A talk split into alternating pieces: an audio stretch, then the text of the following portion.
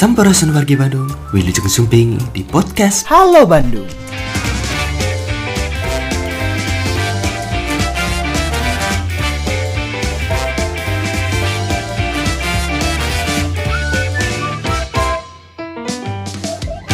Meskipun sempat melakukan simulasi pembelajaran tatap muka, Dinas Pendidikan Kota Bandung memastikan sekolah-sekolah pada jenjang PAUD, TK, SD, dan SMP memulai kegiatan pembelajaran tahun ajaran baru tahun 2021-2022 dengan masih menerapkan pembelajaran jarak jauh atau PJJ.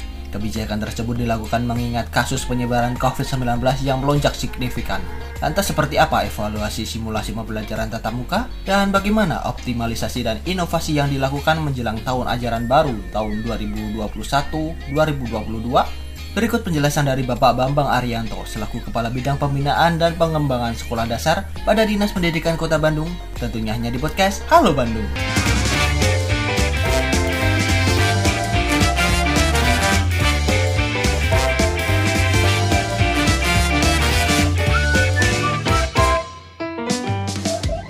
Assalamualaikum warahmatullahi wabarakatuh. Sampurasun. Saya ingin menyampaikan dua hal yang utama sekarang terkait dengan bagaimana evaluasi simulasi PTM yang lalu, demikian juga bagaimana proyeksi persiapan tahun ajaran baru yang akan datang. Kegiatan yang kemarin yang sudah kita lakukan eh, sampai bulan Mei ya. Jadi di Kota Bandung alhamdulillah sesuai dengan apa namanya SKB 4 Menteri bahwa ketika kemarin kita masih melandai kita diberikan kesempatan untuk melakukan uji coba atau apa namanya simulasi dan di Kota Bandung alhamdulillah sudah dilaksanakan dan berjalan sangat lancar. Ini terakhir kita simulasi itu per tanggal 15 15 Mei ya kalau tidak salah karena tanggal 16 Mei itu sudah mulai diberhentikan karena situasi yang tidak memungkinkan. Hanya tanggal 15 Mei itu kita sudah selesai simulasi terhadap uh, seluruh sekolah yang menjadi piloting PTN di Kota Bandung. Nah, ada 330 ya. Kita di Kota Bandung melakukan filterisasi yang sangat ketat terhadap sekolah yang diizinkan untuk melaksanakan PTN kemarin atau PTMT istilahnya terbatas Nah dari 3.523 satuan pendidikan itu hanya 654 yang lolos di tahap pertama melalui aplikasi terkait dengan kesiapan desain kurikulumnya, kemudian terkait kesiapan Satgas Copi di tingkat sekolahnya, SDM-nya, kemudian sarana protokol kesehatannya, dan setelah itu oleh tim gabungan dilakukan e, monitoring ke lapangan langsung dan dihasilkan hanya 330 sekolah saja. Jadi hanya 330 sekolah saja. Itu dari jenjang terus jenjang ya dari TK, PAUD sampai SMA, SMK, MA. Nah ini tersebar di 330 kecamatan. Jadi PTN-nya belum dimulai. Yang kemarin dilakukan di Kota Bandung itu beri uji, uji coba. Dari hasil pemantauan kemarin terhadap 330 sekolah ini alhamdulillah berjalan lancar hanya ada beberapa sekolah yang batal melaksanakan simulasi karena ada kepala sekolahnya atau gurunya yang terpapar atau di daerahnya di wilayah kelurahannya menjadi zona merah misalnya sehingga sekolah itu tidak jadi melaksanakan simulasi. Tapi hampir 95% dari 330 itu melaksanakan simulasi. Nah dari ke 330 itu yang sudah dipantau oleh semua tim gabungan termasuk pimpinan Pak Kadis, Pak Sekda juga ikut terus mantau. Alhamdulillah kalau kesiapan sekolah mah Kota Bandung kemarin dari 330 yang kurang yang batal, insya Allah protokol kesehatan itu dilaksanakan dengan sebaik-baiknya sesuai dengan regulasi dan ada ketentuan yang ada. Kemudian guru-gurunya juga sudah sangat siap, orang tuanya juga sudah mengizinkan dan sudah mengerti, anak-anak juga sudah mengerti dan memahami apa yang sudah dilakukan. Jadi kemarin e, berjalan sangat lancar dan tidak ada kendala. Demikian juga tidak ada isu dengan dibukanya uji coba PTM itu di Kota Bandung terjadi klaster atau ada yang terpapar. Tapi karena sekarang tentu saja dengan kondisi yang seperti ini, maka kita kembali ke BDR, kita kembali ke PJJ dan Dinas Pendidikan Kota Bandung bersama-sama sekolah, insya Allah akan bersiap-siap lagi untuk melaksanakan PJJ sesuai dengan persiapan dan perencanaan. Jadi mengevaluasi yang kemarin dengan persiapan yang akan datang. Ini perlu saya sampaikan dan tadi juga sudah jum dengan para kepala sekolah terkait dengan bagaimana kita mempersiapkan PJJ yang akan datang yang akan dimulai tanggal 19 Juli ya. Semua akan serentak apakah 19 Juli itu PJJ atau kegiatannya seperti apa tapi sesuai dengan PPKM yang sekarang kita pasti akan PJJ ya. Nah sehingga kita tadi sudah mengevaluasi kegiatan-kegiatan tahun yang lalu. Jadi ternyata dalam kegiatan PJJ yang dilaksanakan oleh semua sekolah di kota Bandung itu memang diakui ada juga kendala-kendala. Karena sudah berlangsung cukup lama ada kendalanya di guru, di sekolah, di orang tua, dan di siswa macam-macam gitu ya. Nah, secara umum dapat saya sampaikan bahwa kemarin seluruh sekolah sudah melakukan tahapan-tahapan pembelajaran PJJ dimulai dari dengan delivery materi, kemudian tanya jawab dengan siswa, kemudian penugasan, selanjutnya guru-guru mengawal PBM-nya seperti apa, kemudian mengevaluasi atau melakukan asesmennya seperti apa, dan empat pilar di pendidikan ini terus berkoordinasi mulai dari kepala sekolah, guru, orang tua dan siswa ditambah dengan support dari para pengawas termasuk kami itu terus-terus berkomunikasi melaksanakan pengawalan terkait dengan PTM di Kota Bandung. Nah, memang kita menyadari bahwa ada kendala yang kita evaluasi mulai dari keterbatasan kuota, kemudian jaringan, demikian juga e, masalah tersendiri yang di rumah orang tua masing-masing gitu ya. Kemudian juga tidak semua orang tua memiliki smartphone atau mungkin memiliki tapi kapasitasnya tidak support.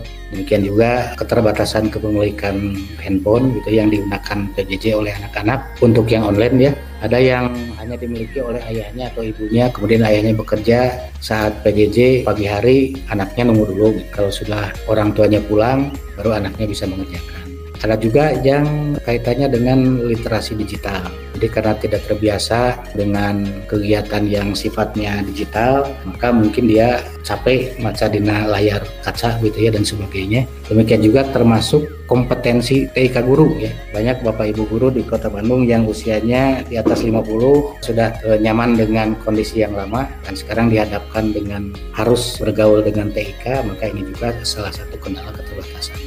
Demikian juga ada juga anak tidak terdampingi di rumah karena orang tuanya masih kerja pulang sore dan seterusnya ya, atau di rumah ditemui oleh pembantu yang punya pembantu sehingga ini menjadi sebuah kendala atau fasilitas belajar yang kurang memadai. Nah kita sudah melakukan survei kepada orang tua siswa, kepada guru dan kepada siswa. Siswa survei ini menjadi catatan bagi semua sekolah, bagi semua kepala sekolah, guru, pengawas termasuk kami, bagaimana agar PJJ yang akan datang lebih baik lagi. Kita melakukan survei kepada orang tua kurang lebih 10.923 itu perangkat yang digunakan untuk PJJ itu kebanyakan HP atau handphone. Handphone siapa? Handphone orang tuanya ya ini ada 55,1 persen handphone orang tuanya. Nah, handphone pribadi itu hanya 16,63 persen. Nah, selanjutnya kita lihat bagaimana orang tua mendampingi siswa. Jadi sebanyak 63,7 persen orang tua itu hanya mendampingi dan mengawasi. Orang tua membantu mengerjakan itu hanya 19,6 persen dan sampai ke tahap diskusi itu 12,5 persen. Yang 63,7 persen ternyata setelah dievaluasi kepada guru-guru banyak orang tua yang berbeda profesi karena beliau berbeda profesi atau misalnya ibu rumah tangga dan sebagainya ayahnya bekerja di luar luar Nah, ibunya tidak menguasai materi yang di-share oleh bapak ibu gurunya, sehingga dia hanya bisa mendampingi atau mengawasi saja. Jadi yang sampai mengawas diskusi itu 12,5. Nah, kemudian platform apa yang banyak digunakan di Kota Bandung untuk anak-anak itu itu kebanyakan pakai WhatsApp. Jadi mereka sudah nyaman dengan WhatsApp mungkin ya, lebih mudah. Mungkin juga guru-gurunya resepna ngawai-awai gitunya ke anak-anaknya itu 8,7 persen macam-macam. Itu ada yang WhatsApp ada video conference dan sebagainya. Demikian juga dengan platform yang lainnya ada yang pakai aplikasi yang lain dan seterusnya. Beberapa aplikasi yang digunakan di kota Bandung ini mungkin diwakili juga oleh guru-guru yang masih milenial ya. Di berbagai macam platform eh, ternyata sudah digunakan setahun kemarin. 18,5 persen pakai aplikasi Google Classroom gitu ya. 13,9 persen itu pakai aplikasi tugas aplikasi internal sekolah. Kemudian 14,9 persen itu pakai aplikasi dari Kemdikbud namanya Rumah Belajar. Selanjutnya ada yang pakai Quizzes Google Classroom dan sebagainya macam-macam lah. Jadi artinya selama setahun kemarin kemarin banyak juga kreativitas rekan-rekan guru kita bergerak sesuai dengan kondisi faktual di lapangan. Mudah-mudahan memudahkan memperlancar kegiatan PJJ yang akan datang. Nah kemudian survei dilaksanakan kepada guru audiennya atau respondennya 6.600an ternyata eh, guru-guru di Kota Bandung sebanyak 56,2 persen itu menggunakan kurikulum ideal, menggunakan kurikulum nasional.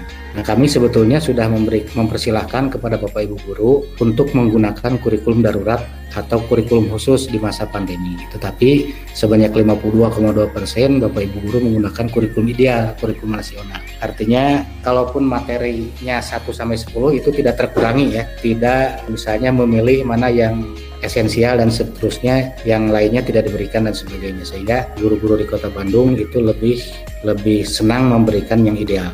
Padahal kita masih pandemi. Artinya eh, ada ada semangat. Tetapi tentu ini berpengaruh kepada siswa karena dengan kondisi pandemi seperti ini mungkin ada siswa yang bosan dan sebagainya atau ada yang merasa diperpak petugas dan seterusnya. Tetapi kita gembira bahwa ada 28,1 persen guru-guru sudah melakukan pembelajarannya dengan kurikulum khusus atau disebut juga kurikulum darurat atau adaptif. Bahkan ada yang 15,7 persen guru-guru kita sudah mampu membuat kurikulum yang dimodifikasi secara mandiri sesuai dengan fakta dan kontekstual yang berlaku di sekolahnya masing-masing.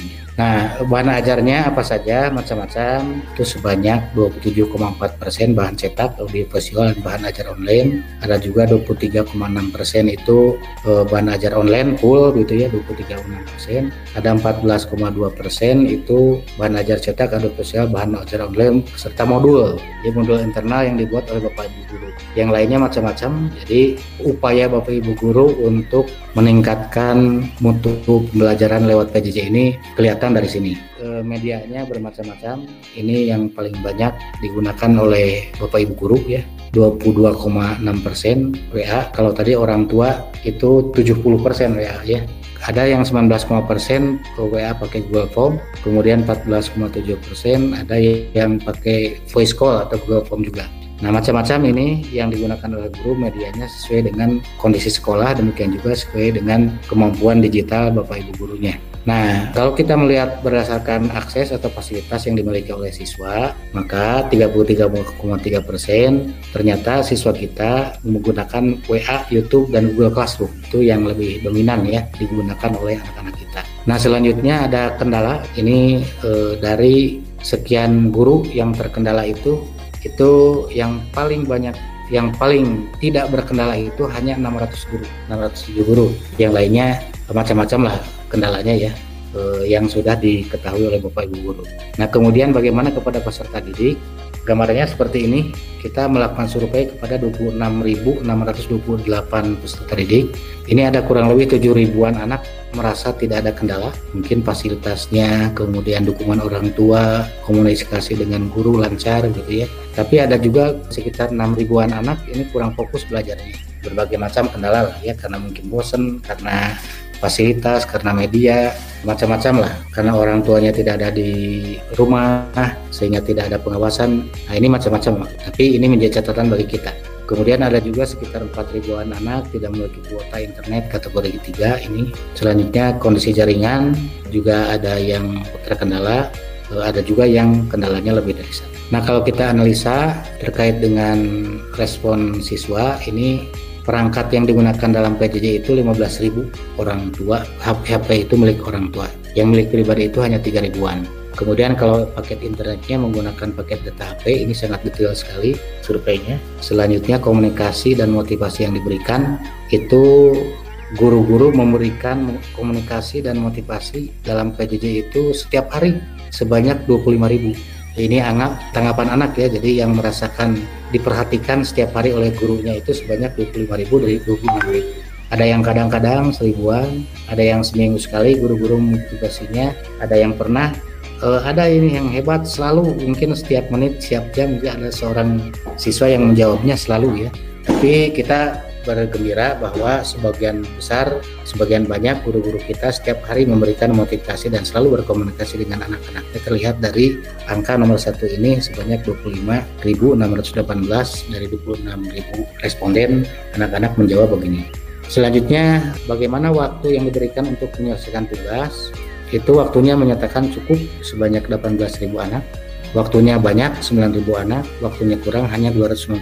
Artinya Bapak Ibu guru sudah mengerti kalau dulu di awal PJJ itu begitu sekarang belajar PJJ sekarang juga harus selesai. Nah seperti itu. Sekarang Bapak Ibu guru sudah paham mungkin sekarang dikasih tugas mungkin nanti sore selesai atau malam atau bahkan ada yang besok. Sehingga Bapak Ibu guru uh, standby menerima kiriman uh, tugas dari anak-anak uh, ya hampir 24 ya meskipun ada tidurnya lah ya tapi durasinya sekarang jadi lebih panjang bentuk penilaiannya angka kebanyakan kemudian ada penilaian beragam ada tanggapan, ada deskripsi. Selanjutnya guru memberitahu cara pengerjaan tugasnya ya selalu itu sebagian banyak ya 24.000 sekian jadi hampir 85% ya guru-guru selalu memberikan cara eh, bagaimana mengerjakan tugas. Nah, kemudian bagaimana persepsi semangat siswa itu sebagian banyak siswa-siswa kita eh, semangat sebetulnya ya 17.000 eh, sekian. Kita ingat hasil dari survei IDAI dan ahli psikologi klinis ternyata dengan PJJ itu anak-anaknya mah senang yang ribut mah orang tua karena hasil hasil survei ya survei dari ikatan psikologi klinis. Jadi dengan PJJ itu anak-anak sebetulnya senang kadang-kadang yang ributnya orang tua dan sebagainya. Nah, senangnya kenapa? Mungkin waktunya lebih luasa kadang-kadang misalnya lebih santai dan sebagainya.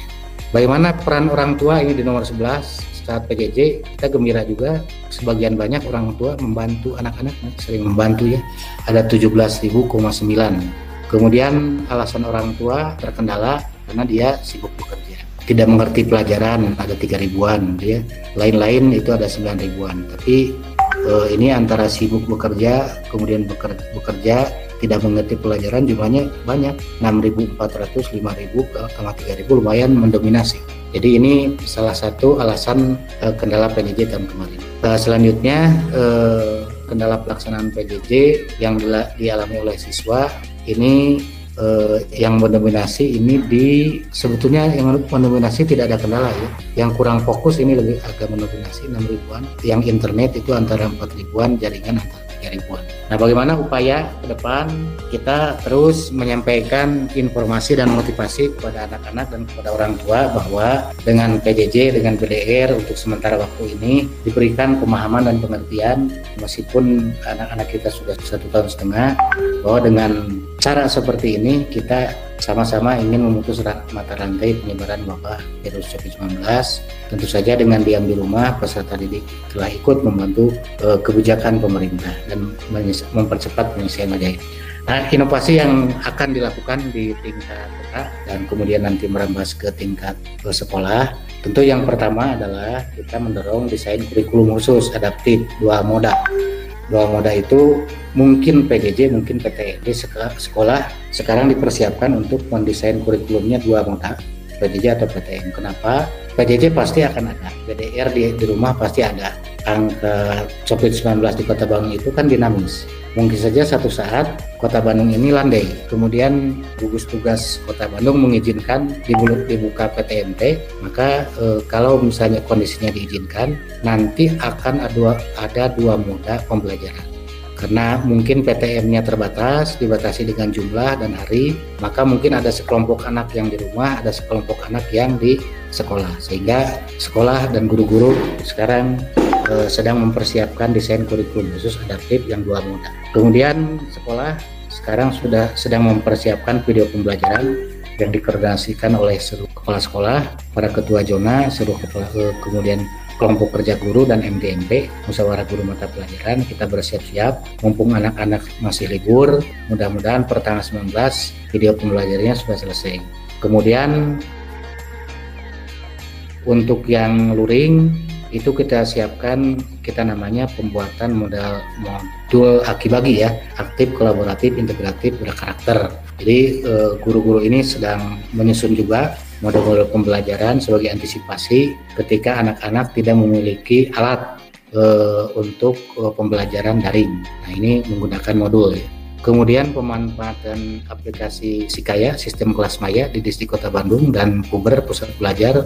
Guru-guru sudah menyimpan berbagai materi digital di Puber ini, Pusat Belajar Distrik Kota Bandung. Dan anak-anak nanti tinggal me menggunakannya ya. Kemudian pembuatan aplikasi pembelajaran berbasis Google Site ini di sekolah-sekolah sudah mulai e, memahami dan itu sangat membantu termasuk aplikasi atau platform yang dibuat oleh Kemdikbud yaitu Belajar ID dan Rumah Belajar. Jadi ini target-target inovasi yang akan kita lakukan nanti untuk uh, tahun ajaran baru mudah-mudahan uh, apa namanya uh, ada ada ada perkembangan ke arah yang lebih baik. Tentu saja eh, kita selalu menghimbau kepada orang tua siswa. Eh, harapan kita adalah orang tua juga sama dengan kita bahwa keamanan dan keselamatan peserta didik, guru dan tenaga kependidikan demikian juga kita semua itu harus menjadi prioritas utama. Eh, nah mudah-mudahan dengan melalui kegiatan di rumah ini kita dapat berperan aktif dalam meminimalisir tingkat penyebaran COVID dan bahkan memutus mata rantai. Oleh karena itu, semua pihak eh, tetap menjalankan kegiatan belajar di rumah sampai kondisi pandemi di Kota Bandung itu melandai dan hasil kajian berbagai pihak termasuk tim Satgas Kota Bandung eh, sudah membolehkan lagi untuk PTM terbatas kepada orang tua dan siswa tetap kita harus bersabar. Tidak berarti kita mati gaya dengan pandemi ini tapi tetap kita berupaya sambil berdoa kepada Allah Subhanahu wa taala. Mudah-mudahan pandemi tetap uh, segera bergeser dan kota Bandung semakin landai. Aktivitas tetap berjalan tapi tentu kita beralih ke moda yang virtual untuk sementara ini. Terima kasih. Assalamualaikum warahmatullahi wabarakatuh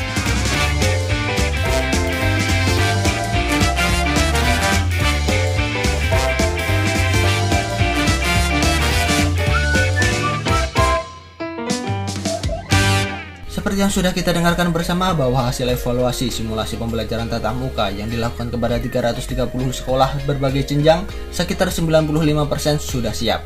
Sedangkan sebagian kecil sekolah belum melaksanakan simulasi karena terdapat kepala sekolah atau guru yang terpapar COVID-19. Sementara evaluasi terhadap pembelajaran jarak jauh yang dilakukan selama setahun terakhir, berbagai kendala masih didapati. Beberapa di antaranya yaitu keterbatasan kuota internet, jaringan, dan masalah masing-masing di rumah peserta didik. Oleh karenanya, saat ini sekolah sedang mempersiapkan video pembelajaran yang dikoordinasikan oleh kepala sekolah, para ketua zona, kelompok kerja guru, dan musyawarah guru mata pelajaran. Selain itu, Dinas Pendidikan Kota Bandung juga tengah menyiapkan modul pembelajaran. Modul ini diberikan kepada peserta didik yang mengikuti pembelajaran yang terkendala oleh alat pembelajaran secara daring. Sampai jumpa di podcast Halo Bandung episode berikutnya. Ingat, di mana pun dan kapan pun kita berada, tetap terapkan 5M. Memakai masker, mencuci tangan, menjaga jarak, mengurangi mobilitas, dan menjauhi kerumunan.